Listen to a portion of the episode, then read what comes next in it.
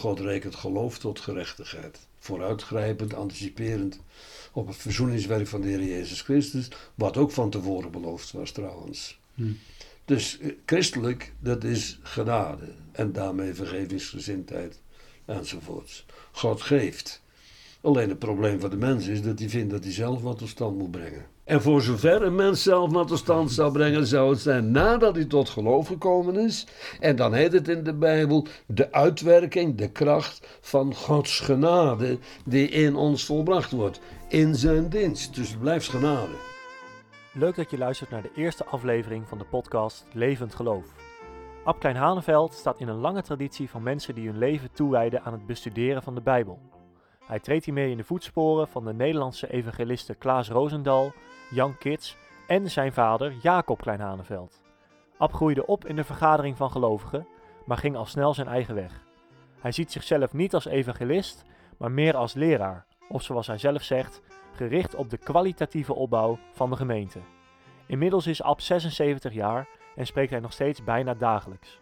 Ik ben Daan van Enenburg en samen met vaste gast, docent Willem van Stemvoort, ga ik in gesprek met Ab Klein Haneveld. We spraken af bij hem thuis in Almere. We zitten hier tussen allemaal boeken. U zei net dat er misschien wel 8000 boeken hier eh, Ja, staan, zo'n beetje. Schat, ja. Heeft u dat van kinds af aan al gehad? Dat u altijd al las? Of is dat later gekomen? Nee, ik heb van kind, ja, van kinds af aan altijd gelezen. Maar eh, mijn vader had, zolang ik hem ken, had hij al boeken.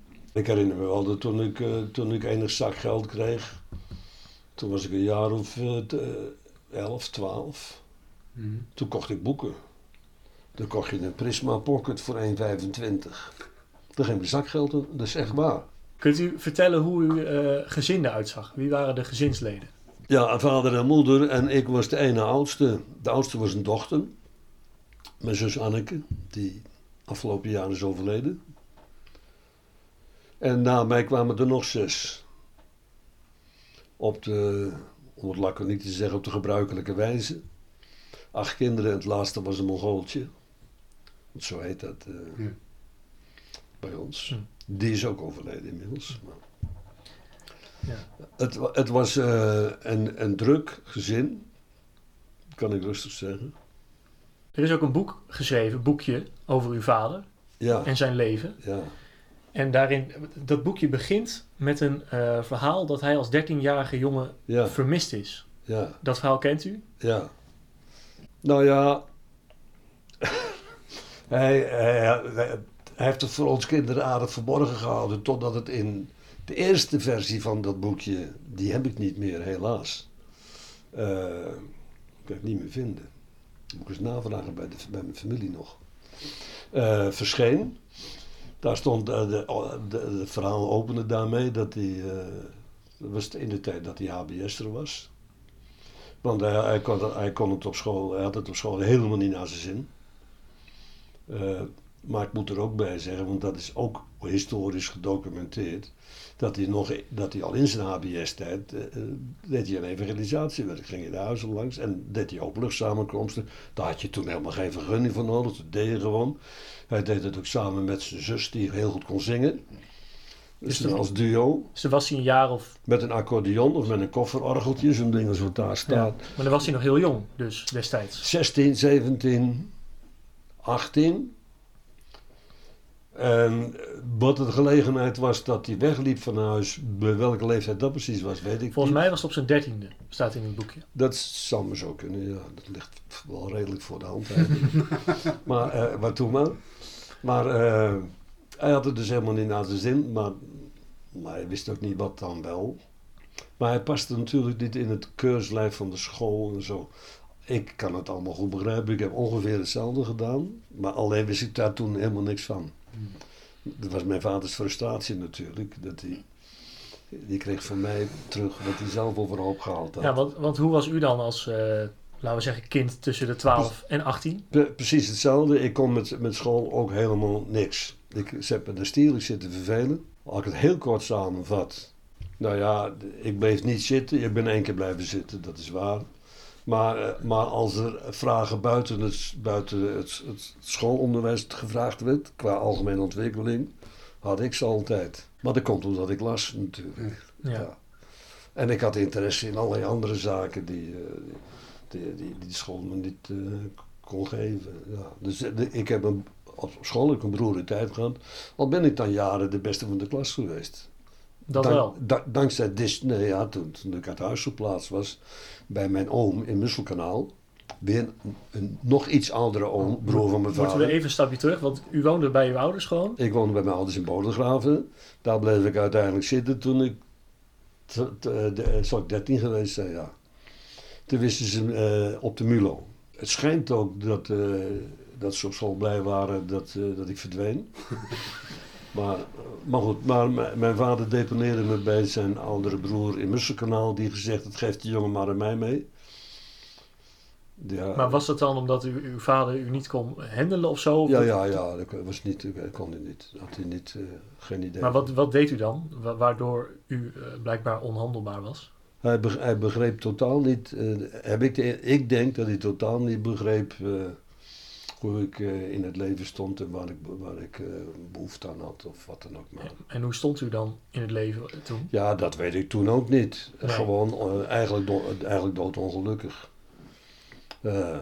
Omdat je, je moest alle dagen naar school waar je een vreemdeling was tussen al die lui die allemaal van andere kerken waren. Dus wij waren sowieso vreemdelingen, zo heb ik het ook altijd gevoeld. En ik, soms denk ik dat ik ook zo behandeld ben op school. Dat weet ik niet zeker. Maar de, eh, mijn oudere zus ontkent dat. Die eh, ontkende dat. Die zei, nee, dat, zo was het helemaal niet. En was u in die tijd ook al, net als uw vader, zoveel met de Bijbel bezig? Nee, niet met de Bijbel. Nee. Waarmee dan wel? Weet u dat niet? Ja, met van alles en nog wat. Ik, ik denk dat ik me opgesloten en beperkt voelde. En de- daar komt dan nog bij gebrek aan mogelijkheden. De, wij gingen niet op, op gymnastiek of op muziekles of weet ik veel. Dat was er allemaal niet. Er was ook geen geld voor.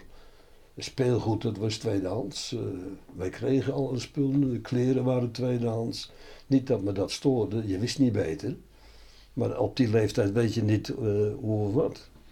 Kunt geen kant op. En toen bent u bij uw oom gaan wonen. Toen ben, toen ben ik bij mijn oom gedeponeerd. Heb ik, ja, ik, ik, niks dan goeds over die familie daar. En wanneer was dat? Maar, maar weet je hoe, weet je hoe uh, Musselkanaal eruit ziet? 1957, 1958, 19, Musselkanaal. Dat is één lange weg langs een kanaal. Eh, de kanaal gebeurde ook al niks meer. Paar jaar daarvoor nog wel. Toen gingen er nog turfschepen door. Heb ik ook nog gezien hoor, in 1950. Maar dit was al een paar jaar later. Was die turfstekerij die was al ook wel afgelopen. Dus dat was echt helemaal in één weg. En de, je kon geen kant op. En de ene kant op was het, ik geloof vijf kilometer naar school fietsen. Of het kan ook drie geweest zijn, ik weet niet meer. Dan kwam je bij de IJzeren Klap. En daar, eh, nou ja, dat was een soort winkelcentrumpje eh, langzamerhand ontstaan. En daar was dus ook de MULO. En daar was mijn oom Wim, die was daar hoofd der school. Hij was ook een hoofd groter dan alle docenten daar. Was 1,98 meter of zoiets. Nou, en dan was ik dus in huis en je, je, je ging s morgens naar school op de fiets. Ik. En, en, en achter in de middag weer terug. En als je vijf minuten, vijf minuten te laat was, dan vroeg tante Leni... Zo, eh, was er iets? Eh waar ben je geweest? Eh, En toen ging het wel goed. nou nee, die, die zegt, en nu, wat is je huiswerk? Heb je het gedaan? Laat eens horen, laat eens kijken. En eh, die overal, die zat er achteraan. Die zat er kort op. Dus ja, die zat er kort op. Ik ben er wel dankbaar voor hoor, dat wel. Achteraf. Maar, maar ik heb me heel erg opgesloten gevoeld. Gewoon gevangenis, je kunt geen kant op. En hoe lang heeft u bij uw oom gewoond? Weet u dat nog? Ehm, nou, bij elkaar zo wat drie jaar. Maar, maar twee, twee jaren continu. Oké, en toen was u dus waarschijnlijk een jaar of 16 of zo. Zoiets, ja. En toen? Wat bent u toen gaan doen? Toen was ik halverwege, mijn ouders hadden wel door dat ik het echt heel slecht vond, eh, had daar. Dus toen mocht ik weer naar Bodegraven, mocht ik weer naar huis. Maar ik ben daar ook weggelopen ooit een keer, maar eh, weer wat anders. Maar, eh, maar eh, na twee jaar mocht ik wel naar huis en toen kwam ik in de Bodegraven. Toen ben ik weer twee jaar de slechtste van de klas geweest. Maar ik heb wel mijn examen gehaald. Oh ja. ja. Ik las ook in het boekje eh, over uw vader dat hij de eerste HBS niet had gehaald. Ja, toen Toen- wilde hij eraf. Toen wilde hij evangelist worden. Ja, En toen zei zijn vader, uw opa, ja. eh, Denkt u nou echt dat God Ja. iemand nodig heeft die zijn studie niet heeft Ja, ja, mislukkeling kan gebruiken. mislukkeling kan gebruiken. Ja, ja. Maar ja, opa was natuurlijk was echt een onderwijzer. En bovendien iemand die uit een, vanuit een tamelijk boerse achtergrond, uit de Achterhoek, een kleine Hanenveld de Achterhoek, zich omhoog gewerkt had. Maar hij was echt een onderwijzer en, in dat, en mijn, mijn oom waar ik in huis was, was dus ook een onderwijzer. En in dat milieu, als je het mij vraagt, geldt maar één ding. Je moet, je moet, eh, je moet leren wat je, op, wat je bijgebracht wordt. Je moet, je moet, eigenlijk is het alleen maar discipline. School is alleen maar discipline. En dat is nou precies waar u eigenlijk het tegenovergestelde van bent. Ik, ik, kon, ik kon daar niet in mee. En ik, ik, eh, want je moet dan dingen doen en leren. Ik moest dingen leren die me op dat moment, althans niet interesseren, waarvan me het nut ook totaal ontging. En als ze al geprobeerd hebben om me bij te brengen wat het nut ervan was, was ik er toch niet gevoelig voor. Zo van, ja, dat zien we dan later wel weer. Of zoiets. En in dat gezin in Musselkanaal, op één na, eh, dus allemaal, eh, zijn ze allemaal academici geworden. Eh, minstens voor de helft zijn ze allemaal gepromoveerd ook nog. En de ene, een daarvan heeft zijn, zijn leven besteed als professor. Professor dokter. In de wiskunde Hmm. enzovoort. Dus De automethode. In dat milieu ben ik daar dus Ja. heb ik daar dus belangrijke jaren van mijn leven, 12, Mm. 13, 14, 15 jaar, heb ik, heb ik die daar tussendoor gebracht. Mm. En ik heb daar dus dat milieu wel leren kennen, dat achteraf. En vervolgens gekozen voor een eigen opleiding. En, en, en, en, en vastgesteld achteraf, ja, ook na jaren, dat je het daarmee ook niet redt. En die, die hebben dezelfde achtergrond feitelijk als ik, ook in de vergaderingen grootgebracht. Eh, jonge jaren, alle dagen onder het gehoor van, van, een, van een grootvader gezeten enzovoort. En ik weet niet eens of ze nog wel, of ze geloof, gelovigen zijn. Wanneer bent u tot geloof gekomen? Ik heb een bewuste keuze gemaakt toen ik negen jaar was. Althans, dat heb ik onthouden. En waar was dat? In Bodegraven. In, eh, niet onder een spreekbeurt van mijn vader, maar van iemand anders. Ja. En dan vervolgens ook laten dopen. ja, dat is pas toen ik uit Musselkanaal terugkwam. Ja. Dus toen was ik al 17 geloof ik. Want het mocht niet eerder. 16 of 17. Toen doen ze in de vergaderingen niet zo vroeg. Nee. Maar in die zin lijkt uw leven en uw jeugd heel erg op dat van uw vader. Of niet? Ja, jawel. Het grote verschil is, mijn vader was een, een heel sociaal eh, man. Die, eh, als hij ergens binnenkwam, dan kwam hij binnen en dan, dan zette hij de boel naar zijn hand. En dan was het gezellig en dan maakte hij een feestje van en eh, nam hij initiatieven en dat was hartstikke leuk. Het was ook geen strenge vader in die zin. Ja, hij was wel een strenge vader. Eh, althans naar mij toe. Maar ik denk dat mijn jongere zusjes, vooral de laatste, daar anders over denken. Maar nou, hij heeft het bij mij geprobeerd, in ieder geval met st- gestrengheid, mij onder controle te houden. Dat is hem niet gelukt. En uw vader was natuurlijk, eh, uw vader Jacob was een bekende evangelist in Nederland. Ja, Ging u met hem mee op, op jonge leeftijd als hij moest spreken? Want ik las in datzelfde boekje dat in de jaren 50 dat uw vader wel 400 aanvragen om te spreken per jaar kreeg. ja, ja. Nou ja, daar is nog wel wat over te melden, maar hij heeft wel eh, erg veel mee meegenomen naar de, naar de zijn spreekbeurten. Ik weet dat dat ook wel niet alleen was om, eh, die jongen moet wat leren, maar dat het ook wat was om eh, op een of andere wijze dan toch aandacht te geven aan zijn zoon, van wie dan toch de psychiater of wie het maar was gezegd had, de pedagoog. Dokter Waterink gezegd had dat die zoon te weinig aandacht van zijn vader kreeg. En dat dat een van de oorzaken was van de problematiek. Ja. En dus nam mijn vader mij mee. Hmm. Als een soort van aandacht. Maar dat werkte niet. Mijn vader was een sociaal man, was een spontane man. Ik helemaal niet. Maar hoe kan het dan dat een sociale man te weinig aandacht aan zijn kind geeft?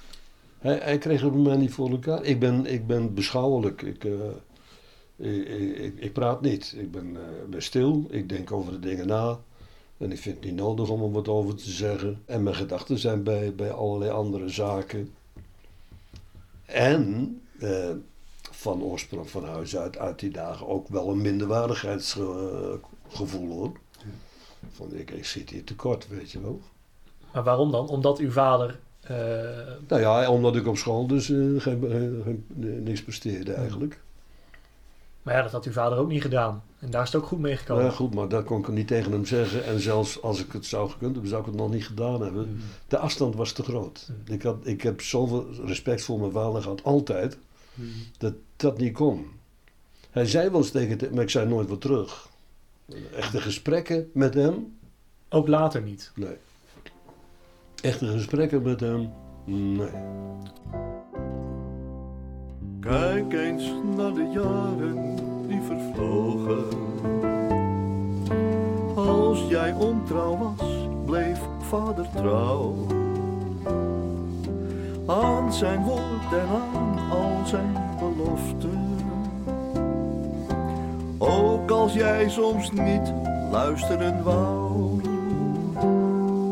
Ach, je bent ook eigenwijze wegen en dan gegaan tot zijn verdriet. Wat een vreugde dat je toch mag weten. Vaderlijke banden, die verbreekt hij niet. Vond u hem een goede spreker? Ja, natuurlijk wel, ja. Ja, ja. ja dat wel. K- qua techniek bedoel je? Ja, ja, echt wel. Maar ze waren de, een beetje sprekers, die waren zo. De, men was in die dagen gewend te spreken zonder geluidsinstallatie. Wanneer dan ook maar, altijd zonder geluidsinstallatie. Dus met verheffing van stem, met een duidelijke eh, dictie. Dus eh, iedereen kon verstaan. Mijn vader zei dat je moet zo spreken dat de mensen op de achterste rijen kunnen verstaan.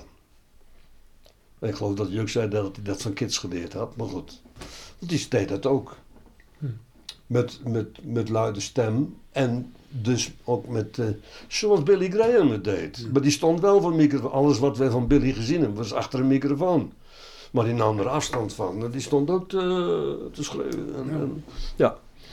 Mijn vader deed dat ook zo, ja. De, En uw vader is eigenlijk zijn leven lang, eh, nou ja, bijbelleraar geweest. Nee, eh, hij, hij, is, hij, hij was evangelist. Hij was met de mensen begaan. Hmm. Je, je, het, in het jargon heet dat je moet nood hebben voor zielen. Nou, nood voor zielen, in die betekenis heb ik nooit gehad. Eh, dat wil zeggen, eh, eh, gevoelens hebben voor, voor andere mensen die wat nodig hebben en die enzovoorts. Dat, dat begrip, ik zeg heb ik nooit gehad, dat is natuurlijk niet, is ook niet waar. Eh, ma- maar op die manier, nee. Maar ik ben wel altijd eh, begeerig geweest naar de waarheid. En een van de voordelen van dat ik altijd met mijn vader meeging, dat, of altijd, dat ik veel met mijn vader mee geweest ben, meer dan wie van mijn broers en zussen, is dat ik daar dan toch een heleboel op opgestoken, hoewel mijn interesse er toch niet echt naar uitging. Althans niet primair, dat heb je op die leeftijd niet. Nee. Maar ik zit erbij en ik hoor het en eh, je neemt een heleboel op. Mm. Maar het nadeel daarvan is dat ik dus ook, ook langzamerhand doorkreeg eh, waar het verhaal ophield. Dat wil zeggen, een bepaalde leer, een opvatting, een uiteenzetting. Ja, dat is allemaal mooi en aardig, maar, maar hier dan. Mm. Nou, verder gaat het dan niet, want dan klopt het niet meer.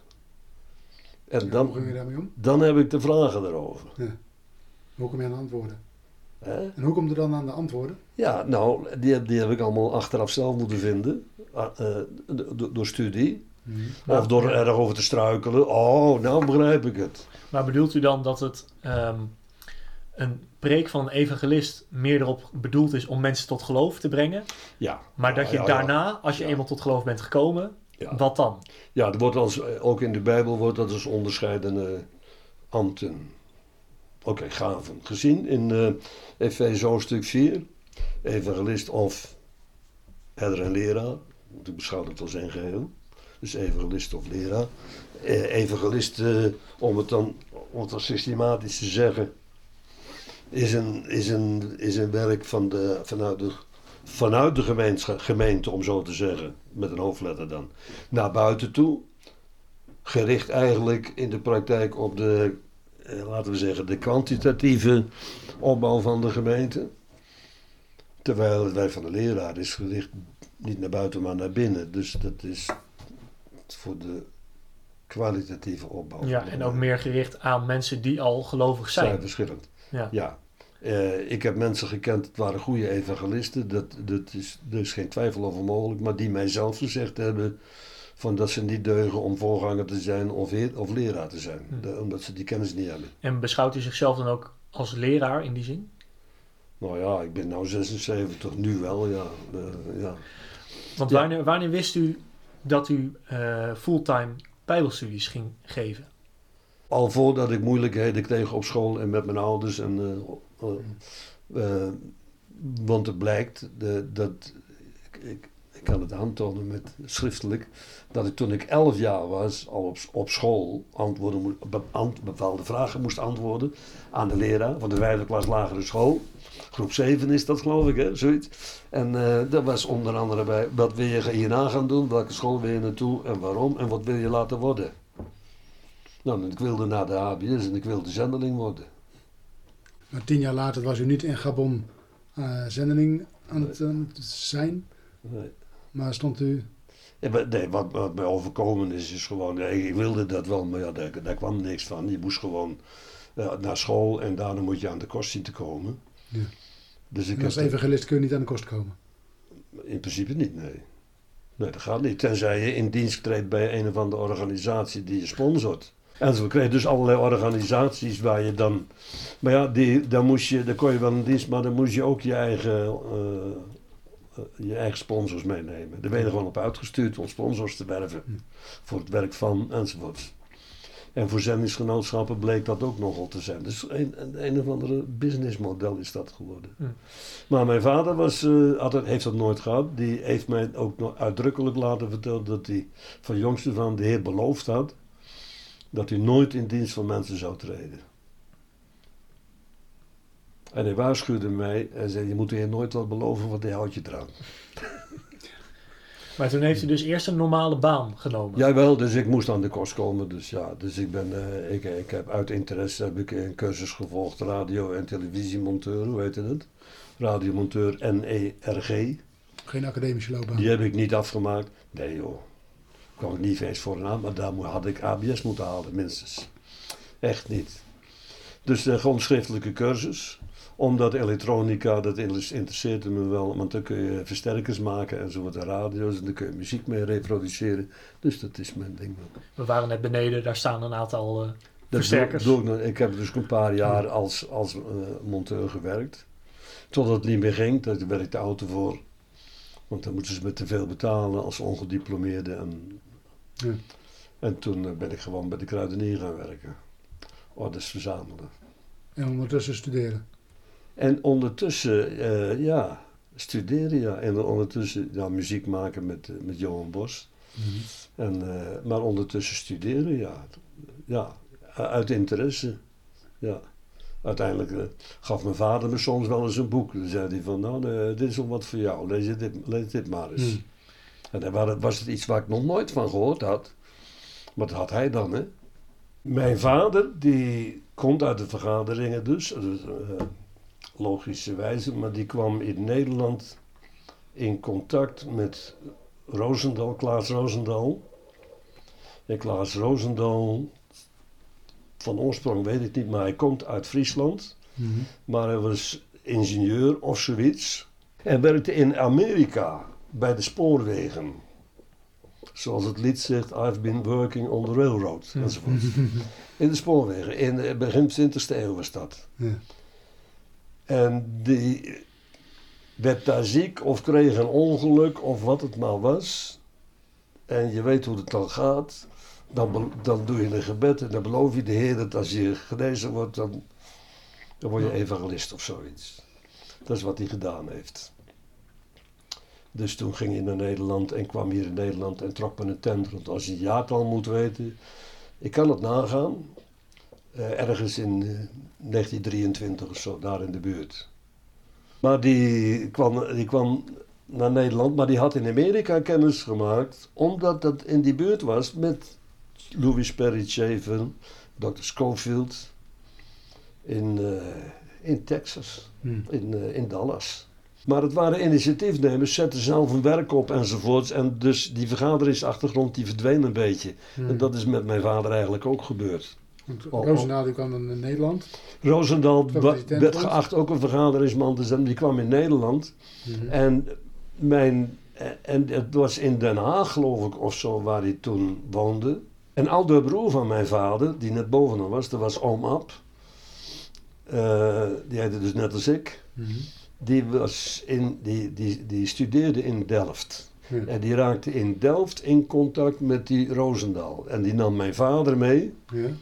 Die zei, je moet, je moet mee, want je moet de, ik heb nou iemand gevonden, die, die kan je wat leren over de Bijbel. Ja. Let op, ze kwamen zelf uit de vergaderingen. En, en mijn opa was echt een, een, een, een automethode in de vergaderingen. Ja. Eerst in de, bij de Darbisten, later bij de Overbroeders. Maar goed. Maar oma Ab nam mijn vader mee en zei, je moet naar Roosendaal. Maar, ik geloof dat hij bij hem thuis was, bij Roosendaal thuis. Bijbelstudies. Maar hij zei er wel bij, hij heeft een paar dochters, maar van die blijf je af, want die is voor mij. dus, mijn, dus mijn oma Ab is getrouwd met de dochter van Roosendaal. Tante Maartje. Ja. Maar goed, die, die connectie is gebleven. En mijn, en mijn vader was dus, werd dus een leraar van Roosendaal. Hmm. Hij niet alleen, want ik ken nog heel wat andere Nederlandse eh, evangelisten of bijbelleraars die heel duidelijk leerlingen waren van Roosendaal. We hadden net over dat u een gewone baan had. Orde pikken bij de kruidenier. Ja, En hoeveel tijd zat er dan tussen dat en nee, dat van, u... van de, de, de, dat was, dat was na, eh, na mijn diensttijd inmiddels. In 1965, 66, 67, 68. Eh, toen ben ik getrouwd en ben ik ver- verdwenen naar Zwolle. En daar in Zwolle heb ik nog wel 11 of 12 jaar, zowat, gewerkt in een ventilatorenfabriek. En hoe combineerde u dat met het doen van bijbelstudie? Nou, dat was nogal makkelijk. Toen, daar heb ik echt bijbelstudie gedaan, dag in dag uit. Ook voor een deel uit verveling, geef ik eerlijk toe. Maar natuurlijk ook uit interesse, anders doe je dat niet. Maar ja, u bent er aan het werk. Maar dat deed dus- ik onder het werk. Ja, maar mijn werk was eh, zodanig dat ik dat eh, redelijk automatisch kon, blindelings. Zoals je blindelings kunt breien, weet je wel, dat doe je op de tast. En, eh, Want wat moest u doen in die fabriek?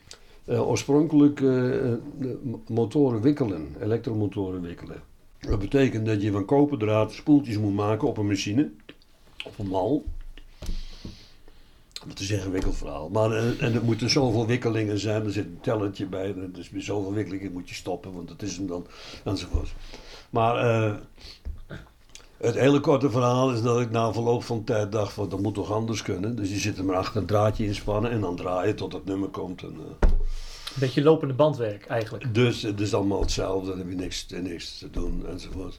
En toen had, had ik al eh, in, in het laadje naast me had ik al een boek liggen. En dat is een boek te lezen, of een bijbelsboek, soms de bijbel zelf. Eh, soms maakte ik dan even een notitie en dan weer aan het werk. En op den duur had ik die hele machine automatisch gemaakt. Met als gevolg dat die twee andere lui die hetzelfde werk zaten te doen, die zijn, die zijn er uitgehaald. Die zijn, hebben ander werk gekregen of zijn ontslagen, weet ik het. Oh, omdat u een automatisch Zijn systeem daarvan had. eh. Ik, ik, ik kon het in mijn eentje. En dan, ja, kon met in mijn eentje de productie bijhouden op dat ding, want ik had hem geautomatiseerd. Dus Met ja. elektronica en met schakelaartjes die het automatisch deden. En dus- die stopte zelf die machine en eh, dat soort dingen. Dat ging dus ik had, en, en, maar al die tijd zat ik dus gewoon te, te studeren. Ze hebben me daar uitgehaald uit die productie na een jaar of vijf, zes. Maar ik heb dus een jaar of vijf, zes, heb ik dus elke dag daar gewoon zitten studeren. De hele dag door, hè. Hmm. Daar komt het op neer. Toen hebben ze me eruit gehaald, want het werk werd uitbesteed, dit werk. En eh, toen heb ik nog enige jaren gewerkt in, in, het, product, in het in elkaar schroeven van, van eh, apparaten. Maar ja, dat heb ik ook gesystematiseerd. Niet maar in het wild, maar gewoon eh, ergonomisch inrichten. Je gereedschap op de juiste plek leggen. Blindelings je handelingen kunnen doen. En dan, weet je, en dan, dan, dan doe je je werk in een recordtijd. Dat deed ik dus ook. En dan was hij klaar. En dan ging ik naar achter, helemaal achter in het bedrijf, want er werkte iemand, was ook een gelovige. En eh, dan ging ik daar een uurtje mee zitten praten enzovoorts. En de, en de bedrijfsleider en de directeur, oh, ze lieten het allemaal toe. Want wij kwamen toch wel in onze productie. Soms eruit zouden zetten, iemand anders erin. Nou, dus drie anderen moeten nemen. Dus ja,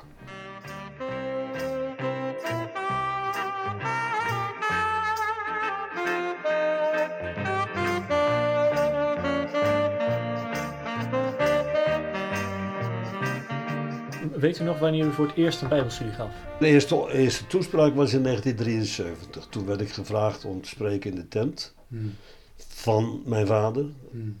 Dat heette toen het morgenrood inmiddels, maar, maar toen maar. Want iemand had gedacht van, er moet een, kle- zou een klein wil spreken, maar die kan niet. En eh, of het nou mijn vader was of mijn neef, dat weet ik niet meer. Hmm. Maar eh, toen hebben ze in het telefoonboek gezocht naar een ander, zoiets. Maar oh, we wisten nog een klein aanval. Toen werd ik gevraagd of ik het doen wilde. En ik had nog nooit, eh, nooit een spreekbeurt vervuld. Wel eens een getuigenis gegeven of een toelichting bij een, bij een lied of zo, weet je. Maar dat was mijn eerste spreekbeurt, ja. In En- 1973. En toen was u 28 zo'n beetje. Hoe werd die ontvangen, die spreekbeurt? Weet u nog waar het over ging? Waar heeft u het over Ja, gehad? ja, dat weet, dat weet ik nog heel goed. Ja, dat weet ik nog heel goed. Ik wist niks waar ik over spreek, want ik was toch niet gewend. Dus ik heb gespro- gesproken over de betekenis van getallen in de Bijbel. In een evangelisatietent dus. De uittocht uit Egypte, dus van de twee naar de één gaan enzovoorts. En eh, dat soort dingen. Niet echt een evangelisatietoespraak, eigenlijk. Nee, niet in de klassieke betekenis van de term. Maar dat, dat ligt me nog steeds niet, omdat ik vind dat dat niet een goede methode is ook. Da- daarom kan ik het ook niet. Of andersom, dat weet ik niet, maar zoiets. ik vind het niet goed. Ik, ik beweer namelijk dat. eh, men roept het tot vandaag, ook tegen mij. Van ja, maar het moet geen Bijbelstudie zijn, het is evangelisatie. Nou, kijk in je Bijbel naar evangelisatietoespraken, voor zover die erin staan. Dat is alleen maar Bijbelstudie. Ik zou niet weten wat er anders aan moet. Hmm. Ik weet wel dat je onder, onder, onder, onder eh, druk, onder eh, persoonlijke druk, mentale druk iemand kan bewegen tot een daad of over een drempel kunt helpen, eh, kunt brengen tot het opsteken van een hand, dan wel het nazeggen van een gebed of zoiets. Dat kan. Maar ik, ik moet je zeggen, ik, ben, ik, ik, eh, ik, ik durf dat niet. Ik, ik vind dat ook niet goed. Ik vind het eigenlijk, voor mijn gevoel, vind ik dat ook hoogmoedig. Ik, ik heb die moed namelijk niet om dat te doen, zo. En dat is het dan, maar ik vind het in de Bijbel ook niet terug. Dus waarom zou, zou ik dat kunstje leren? De, sorry, ik zeg niet dat het niet kan zo. Eh, ik weet dat het werkt en ik heb het van jongs aan zo meegemaakt. En, en wat waren de reacties toen, toen u gesproken had? Heeft u nog mensen gesproken van wat ze ervan nou, vonden? eh, ik heb mensen gesproken die zeggen, ja, maar dat kan helemaal niet en dat is helemaal niet goed en dat was niet. En, maar, maar tegelijkertijd kwam, kreeg ik een hele drom mensen om me heen die zeggen, kunnen we daar meer van horen? En zo is het gekomen. Hmm. Dus eigenlijk was dat het startpunt van uw, laat maar even zeggen, carrière als... Nou ja, zo zou, je dat, zo zou je dat kunnen noemen. Want er waren mensen die zeggen, daar willen we meer van horen. Eh, kan dat een keer? Nou, je, eh, ja, eh, ja, eh, ja, wat doen, ja, ja, kom maar bij me thuis dan. En dat is wat gebeurde. En toen werd het huis te klein. Hè? En toen werd het huis te klein. Toen we, nou ja, zoiets. Ja, er kwamen er nog een paar bij. En er waren bijbelstudies. En er was niet een onderwerp. Dat begon gewoon met een vraag. Werd een vraag gesteld. En dan, dan vertelde ik dat. En dan gingen, begonnen we eh, zaterdagavond. En dan zondagochtend, als het lang licht was. Dan, eh, dan hielden we weer op. Toen ging de hele nacht door. Maar destijds combineerde u dat nog met uw werk. Ja. ja, en dat was op een gegeven moment dus niet meer te doen. Dus toen heb ik eh, de stoute schoenen aangetrokken. En dan heb ik mijn ontslag genomen. En ik denk, ik zie wel wat er gebeurt. Maar toen was ik dus al 35. Dat dat was 1981, januari 1981. In datzelfde jaar wordt Jacob, de vader van Ab, directeur van de Evangelische Bijbelschool in Doorn. Dat was een goede reden voor. ook Niemand anders kon dat. Dus echt. Hmm. Eh, het overzicht. de, de people skills. nee, ja, maar dit is essentieel. Hè? Dat- Dat die, die een overzicht hebben over heel de Bijbel. Dat, dat, dat vind je niet. Tot vandaag niet. Hm. Echt niet. Je hebt oud-testamentici, je hebt specialisten. Je hebt mensen die alleen maar, die, die ook in Nederland rondreizen met alleen maar lezingen over het profetisch woord. Waar ze dus ook niks van weten, omdat ze alleen maar Daniel en openbaring bestuderen. En verder niks. Hm. Dan, dan, dan heb je nog niks. Echt waar. Dat meen ik. Dat klinkt grof. Maar het is zo. En mijn vader had dat wel. Maar mijn vader stelde dus een lesprogramma samen. En hetzelfde ook het rooster samen. En deelde dat allemaal in. Hmm. Enzovoort. En die heeft toen in 1981, toen ik dus fulltimer werd. Heeft hij mij geïntroduceerd bij de, even, zo heette het, de Evangelische Bijbelschool. Ja. Waar hij directeur van was. En eh, mij voorgesteld als, als docent. Alleen daar gaat dan weer, ging hij niet over, daar gaat het bestuur dan weer over. Hm. Maar daar heb ik dus eh, twee jaar eh, lesgegeven. Daarna vertrekt Ab bij de Bijbelschool. Hij wil volledig op zijn eigen manier les gaan geven. En dan alleen maar bijbelse vakken. En niet van die, van die vakken daaromheen die toch nergens op slaan. Noem, Als, noem als eens een psy- vak. psychologie, pedagogiek, ethiek. Hm. Allemaal dat soort vakken kregen, ze- kregen ze daar. En, en ook dingen als, dat, die heb ik nooit vergeten. Ik noem het ook in het publiek wel eens. Eh, een vak als ethiek. En ik, ik moest er een keer bij zijn, want er moest bij de examens moest er wacht gelopen worden. Hm.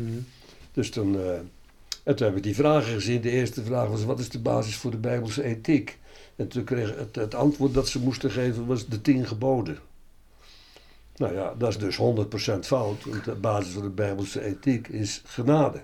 Ja. Daar leven wij uit. Uit vergevensgezindheid. Dat is de basis van onze wandel. Naar elkaar toe, voor onszelf, wat we zelf aan hebben, wat we elkaar vergeven ons onze schulden, gelijk ook wij vergeven onze schuldenaren. Dat is de basis van, het, van christelijke ethiek. Niet, de niet de tien geboden. Een jaar later begint Ab zijn eigen Bijbelschool in Wezep. U had een pand gekocht Ja, van uw spaargeld. ja, ja zoiets. Ja, een pand gekocht. met dank aan, dat ging natuurlijk makkelijk met, met geld van de Rabobank. de- Van de directeur, die woonde drie huizen bij mij vandaan. Hm. in dezelfde straat. En die kende ik bovendien, nou hij kende mij beter dan ik hem, van de, van de jazzclub in Oldenbroek. Want daar, daar kwam hij altijd en daar speelde ik gewoonlijk nog alles. Hm. Dus we kenden elkaar. Dus, eh, dus daar kreeg ik geld van eh, voor, voor, voor, eh, voor de koop van, de, van het gebouw enzovoorts. Maar dat heeft had tot gevolg dat ik daar vier jaar lang, dus eh, drie dagen in de week, bijbelstudie gaf. Over veel bredere onderwerpen, Ja. nog, nog veel meer onderwerpen. En de andere dagen was u gewoon zelf op pad door het hele land heen. Ja, s'avonds was ik sowieso op pad door het land. Dus ik heb ook toen erg veel geleerd. Dag in, dag uit met bijbelse dingen bezig. Hoe gaf u eigenlijk les? Op welke manier? Was u heel streng en heel gestructureerd? Dus iedereen moest luisteren en u vertelde? Ja. Of ging u juist heel erg eh, in gesprek met de leerlingen? Nee hoor, ik ging wel in op vragen. Maar dan, dan blijft het dan ook bij. Ja. Dat is gewoon het zogeheten frontale onderwijs. Ja, zo is het en hier staat het. Zou u uw stijl als spreker ook zo omschrijven? Frontaal? Dat, dat wel. Alleen ben ik nu over het algemeen meer geneigd eh, te vertellen. Mhm. Zonder eh, me vast te houden aan een, aan een strak schema. En uw vader heeft u natuurlijk ook horen spreken. Sterker nog, u heeft conferenties gedaan. Die was, was Met uw vader. veel meer ges- gesystematiseerd. Ja. Ja. Die werden zijn punten af. Kreeg u wel eens kritiek, zowel positief als negatief, van uw vader op wat u zei? Nee, heb ik nooit gehad. Nee.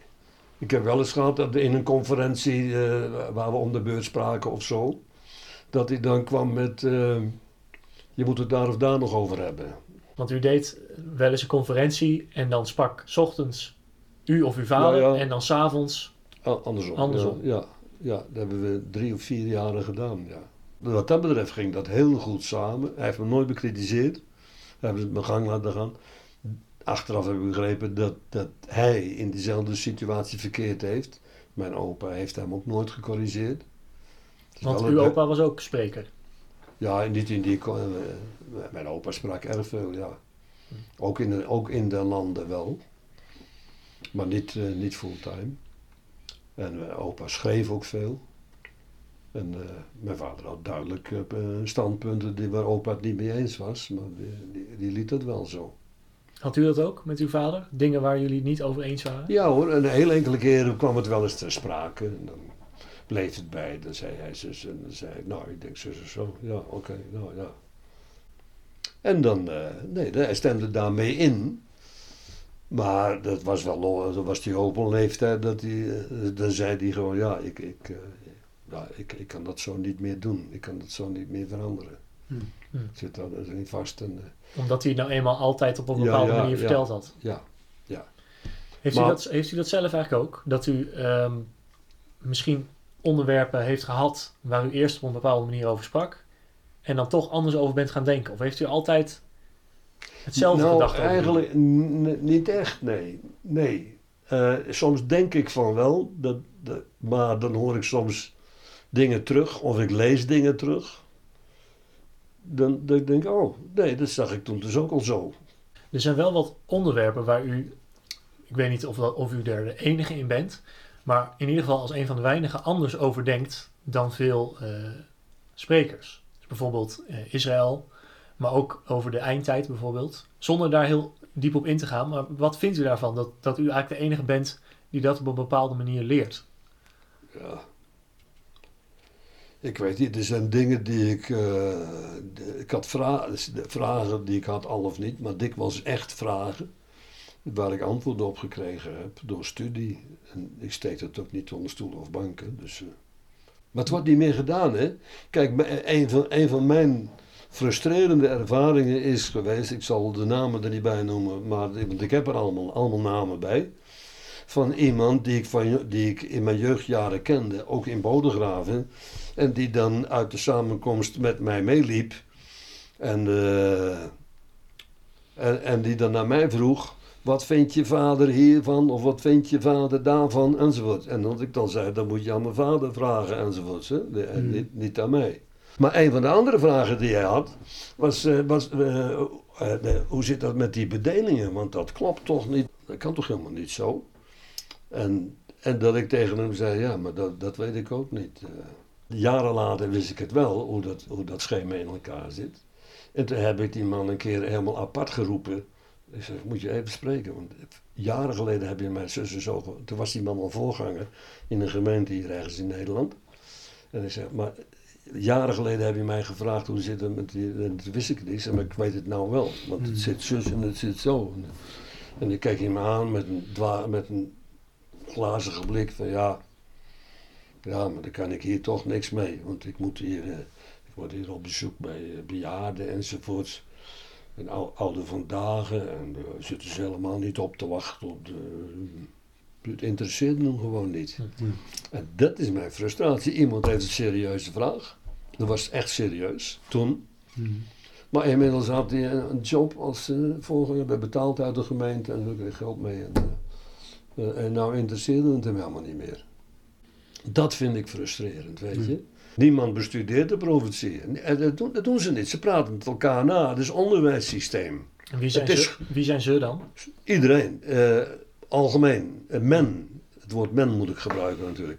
Men doet dat. Men gaat naar school en men praat na. De men, eh, dit heb ik ook al heel jong geleerd. Men gaat naar school en men praat na.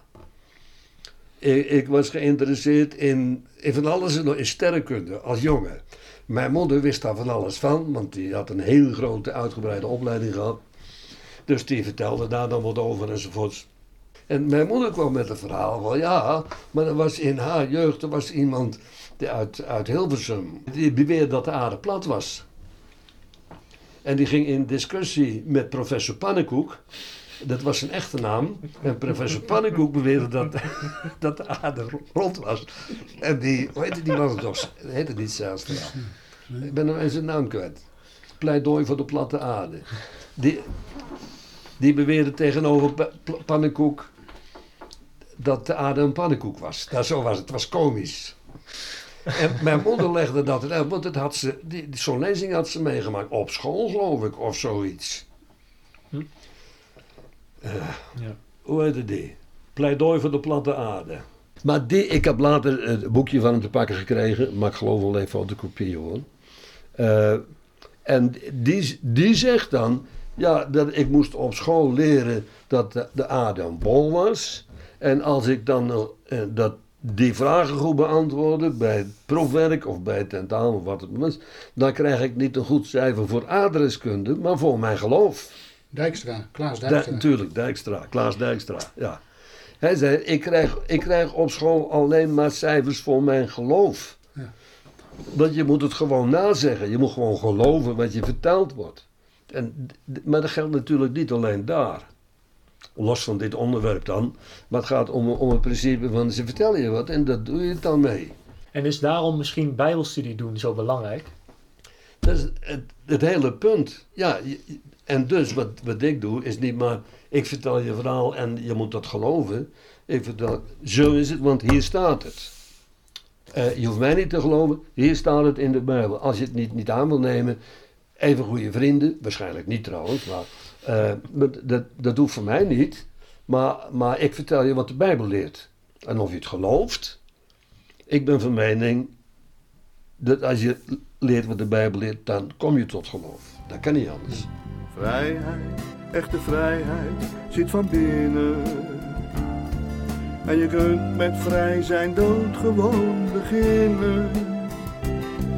Want de prijs daarvoor is al lang betaald. Het gaat er nu nog om, het gaat er enkel om. Dat jij de vrijheid die betaald is binnenhaalt. Vandaar de- dat ik met autoriteit spreek. Want eh, ja, het staat in de, de Bijbel leert dat zo. Dat ik het geloof. Ja. Ja, maar dat heeft er weinig mee te maken. eh, of ik het geloof of niet. Eh, ook als ik het niet geloof, de Bijbel zegt het gewoon. En Dat is het dan. Wat maakt het uit of ik het zeg? De dingen staan in de Bijbel. Van wie heeft u eigenlijk het meest geleerd op bijbelgebied? Nee, van mijn vader. Ja, van mijn vader. En om, eh, om eh, iets lelijks te doen, wat ik eigenlijk niet moet doen, maar ik doe het toch. Eh, daarnaast heb ik veel geleerd, niet in detail, niet in feiten, maar aan methodiek. Als dat het goede woord is, van Weinreb. Van Weinreb heb ik opgestoken het, het beginsel, nou de beginselen van, van wat, wat, wat ik alleen maar kende als typologie of symboliek. Bij Weinreb heeft lang geduurd voordat het op me doordrong hoe het werkelijk was. Dat namelijk bepaald, een bepaald beeld niet alleen maar eenmalig is vanuit het Oude Testament op het Nieuwe, maar dat bepaalde beelden zich constant herhalen omdat het fundamentele beginselen zijn. Je hebt eh, in Genesis 1 heb je meteen, eh, in Genesis 1, 2, 2 heb je meteen eh, de boom de kennis des goeds en des kwaads en de boom des levens. Hmm. Dat is hetzelfde als links en rechts, tot vandaag. Het een is wet, het ander is genade. Maar het komt ook overeen met Egypte en Canaan. Dat is hetzelfde. Het is ook hetzelfde als Manasseh en Ephraim. Het is ook hetzelfde als de twee de tien stammen. Of had ik moeten zeggen Juda en Ephraim. Hmm. Had ook nog gekund. Eh, het is het, en zeker op zich hetzelfde als Israël en de gemeente. Het is Sinai en Jeruzalem. Het is Hagar en Sarah. Het is, eh, hoeveel keer wil je dit hebben? Het is het boek van binnen en buiten beschreven. Het zijn twee aspecten ervan. Enzovoorts. Eh, het herhaalt zich tot in het oneindige eigenlijk. Hij neemt het eerste weg om de tweede te stellen. De mens kiest het eerste, God neemt het tweede. De mens kiest voor wet, God kiest voor genade. Enzovoort. De mens eet van de boom des kennis en de, mens, en de heer nee, je moet van de boom des levens eten. En als je die ene neemt, kun je die andere niet hebben. U noemde net al die genade, wat ook heel vaak terugkomt in de toespraken die u geeft. Is dat volgens u ook de kern van het christelijk geloof? De genadeboodschap? Ja, ja, daarom heet het ook een christelijk geloof en niet de christelijke godsdienst. In, in, in mijn beleving, in mijn opvattingen, en maar ook zoals ik het in het publiek gewoon zeg, is christendom naar bijbelse maatstaven geen religie, het is geen godsdienst. Eh, behalve als je het woord oneigenlijk gebruikt, dat doet de Bijbel ook. Hè? Dat gij uw lichaam bestelt tot levend offer, dat is uw redelijke Godsdienst. godsdienst. Ja. Eh, dat is het woord voor godsdienst. Maar daarmee zegt hij dat wij dus niet religieus zijn, geen godsdienst hebben. Dat is niet, want, want in werkelijkheid, dat is leven uit geloof. En dat zet hij daar ook uiteen. Religie is namelijk, godsdienst is wet. Maar het christelijke is niet een geloof, maar is niet een godsdienst, maar een geloof. En wat wij geloven, logischerwijze, is wat God gesproken heeft.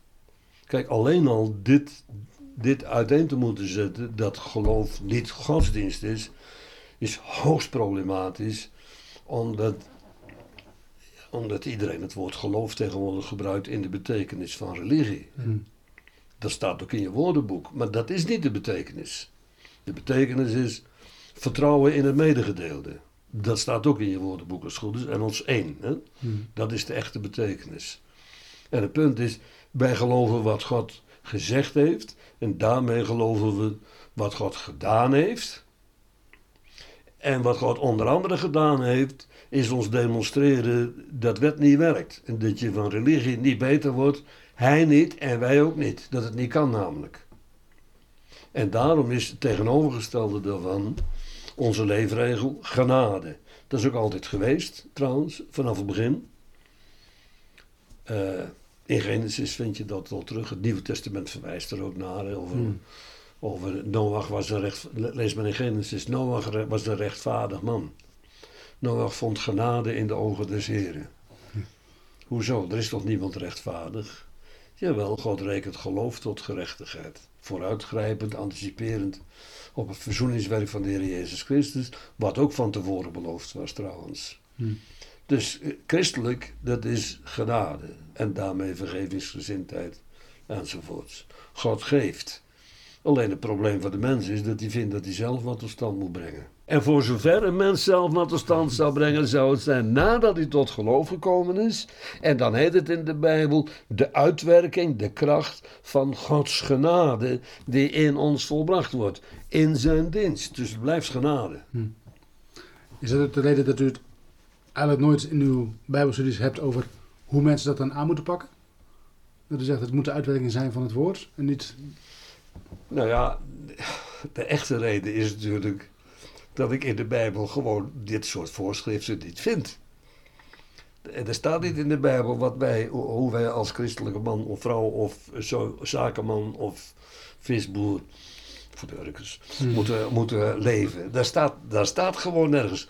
Nou ja, er staat wel iets, maar daar houdt het ook mee op. De, ik bedoel, de, er staat iets als gij vrouwen wees die mannen, uw eigen mannen, sta, oh, wees uw eigen mannen onderdanig. En gij mannen hebt uw eigen vrouwen lief. En gij kinderen wees uw ouderen gehoorzaam. Met de toevoeging dat dat zelfs ook in de, in de wet al eh, eh, aan de orde komt. Eh, Eert uw vader en uw moeder. Met een beloning erbij. Eh, daar staat erin. Ja. En, en gij, gij eh, dienstknechten eh, onder, onderworpen aan uw heren naar het vlees. En, Ook de hele harde. hè? Ook de hele harde. Ja, ja, de- zeker wel. Ja. Dat staat er allemaal. Ja. De, en daar blijft het dan ook bij. De, voor de rest moet je het zelf maar zien in te vullen. Ja. En wat Maar- mensen in een preek vaak, vaak willen horen is juist hoe ze de praktijk aan moeten pakken. Dat, ik geef het niet graag toe, maar het schijnt zo te zijn. Ja. ik heb geen andere verklaring voor het feit dan dat je op zondagmorgen op, op de televisie achtereenvolgens vier verschillende eh, bijeenkomsten uitgezonden krijgt. Waarbij vier verschillende mensen onder vier verschillende namen en denominaties ons allemaal komen vertellen hoe wij als mensen, beschaafde mensen, moeten leven. Of dat christelijke beschaving is, dat hangt nog.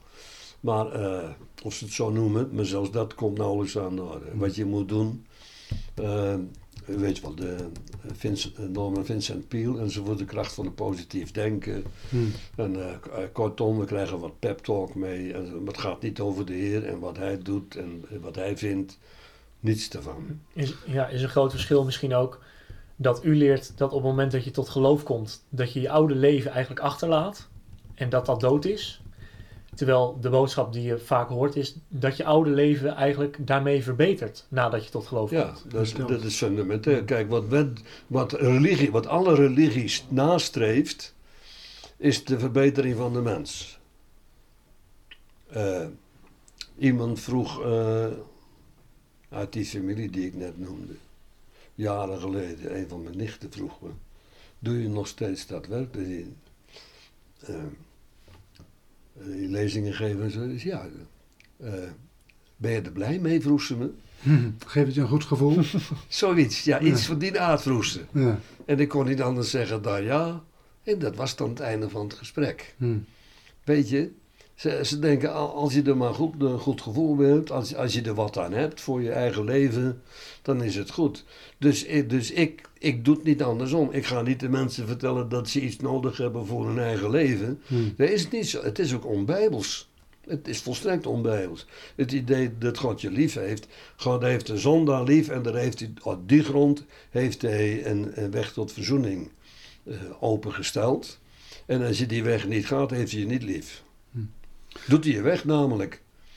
Maar als je die weg gaat, als je tot geloof komt, dan word je wedergeboren, word je een kind van God. En voor velen die zich christenen noemen, lijkt dat of is dat een soort van einddoel. Zo van, dat hoop je nog te bereiken een keer. Hm. Terwijl in de Bijbel is het begin van een totaal nieuw leven. En hoe dat gaat, ja, daar, daar ga ik niet over. Ja. Is het misschien ook moeilijk voor veel mensen dat je eigenlijk zegt op het moment dat je tot geloof komt, laat je je ego eigenlijk achter. Je- Ja. Wie, wie, jij, wie jij was. Ja, Is Ja. dat moeilijk? ik, ik, ik weet niet of het moeilijk is. Ik, ik denk dat het nauwelijks meer gepredikt wordt. Wat, eh, wat ik aan prediking, ik, natuurlijk, eh, wat ik aan prediking hoor is natuurlijk nooit een norm. Op geen manier. Maar wat ik oppik is altijd maar, eh, en weet je, met kerst wordt Emmanuel, God met ons, God komt tot ons. Hm. Hij wil bij je zijn, eh, enzovoort. En in je zijn, het, hetgeen een, een kern van waarheid heeft. En een fase is in, in, in, in Gods werk, om zo te zeggen. Maar de realiteit is dat, dat hij komt niet tot ons, wij, hij trekt ons tot hem. En wij, hij nodigt ons uit om tot hem te komen.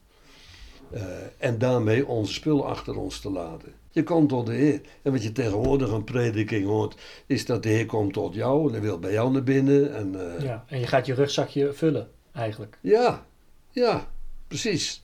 Ja, dat is niet de bedoeling, denk ik. En, en het heeft natuurlijk een kern van waarheid. Maar als, ik, als je daar over, op verder gaat trouwens, dan, dan blijf je problemen en conflicten houden. Als ik het moet samenvatten, God heeft 1200 bladzijden, in 1200 bladzijden zich kenbaar gemaakt.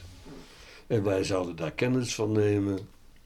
En het aanvaarden als het woord van God en als de situatie zoals die nou eenmaal is. En dat betekent dat we ons daaraan onderwerpen, zonder dat je daar het woord onderwerpen eh, moet benadrukken of zo. Geloof is nou eenmaal aanvaarden wat medegedeeld wordt. En dat het dan een uitwerking op je heeft, ook voor je levenswandel, ja, dat mag ik wel hopen, ja. En u bent nou 76. Hoe lang gaat u nog door met bijbelstudies geven? ja, het is mijn leven, dus, dus je vraagt gewoon wanneer ik eh, denk te overlijden.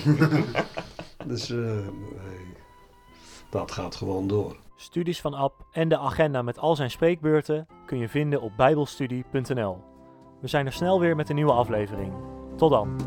Denk eens aan de toekomst die gaat komen. Waarin jij altijd met Christus bent.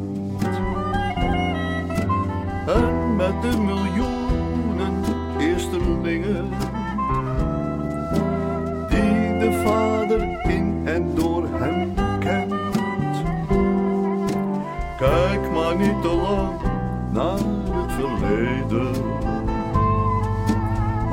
De erfenis ligt in het verschiet. Houd maar goede moed en blijf vertrouwen. Ook in de verdrukking, hij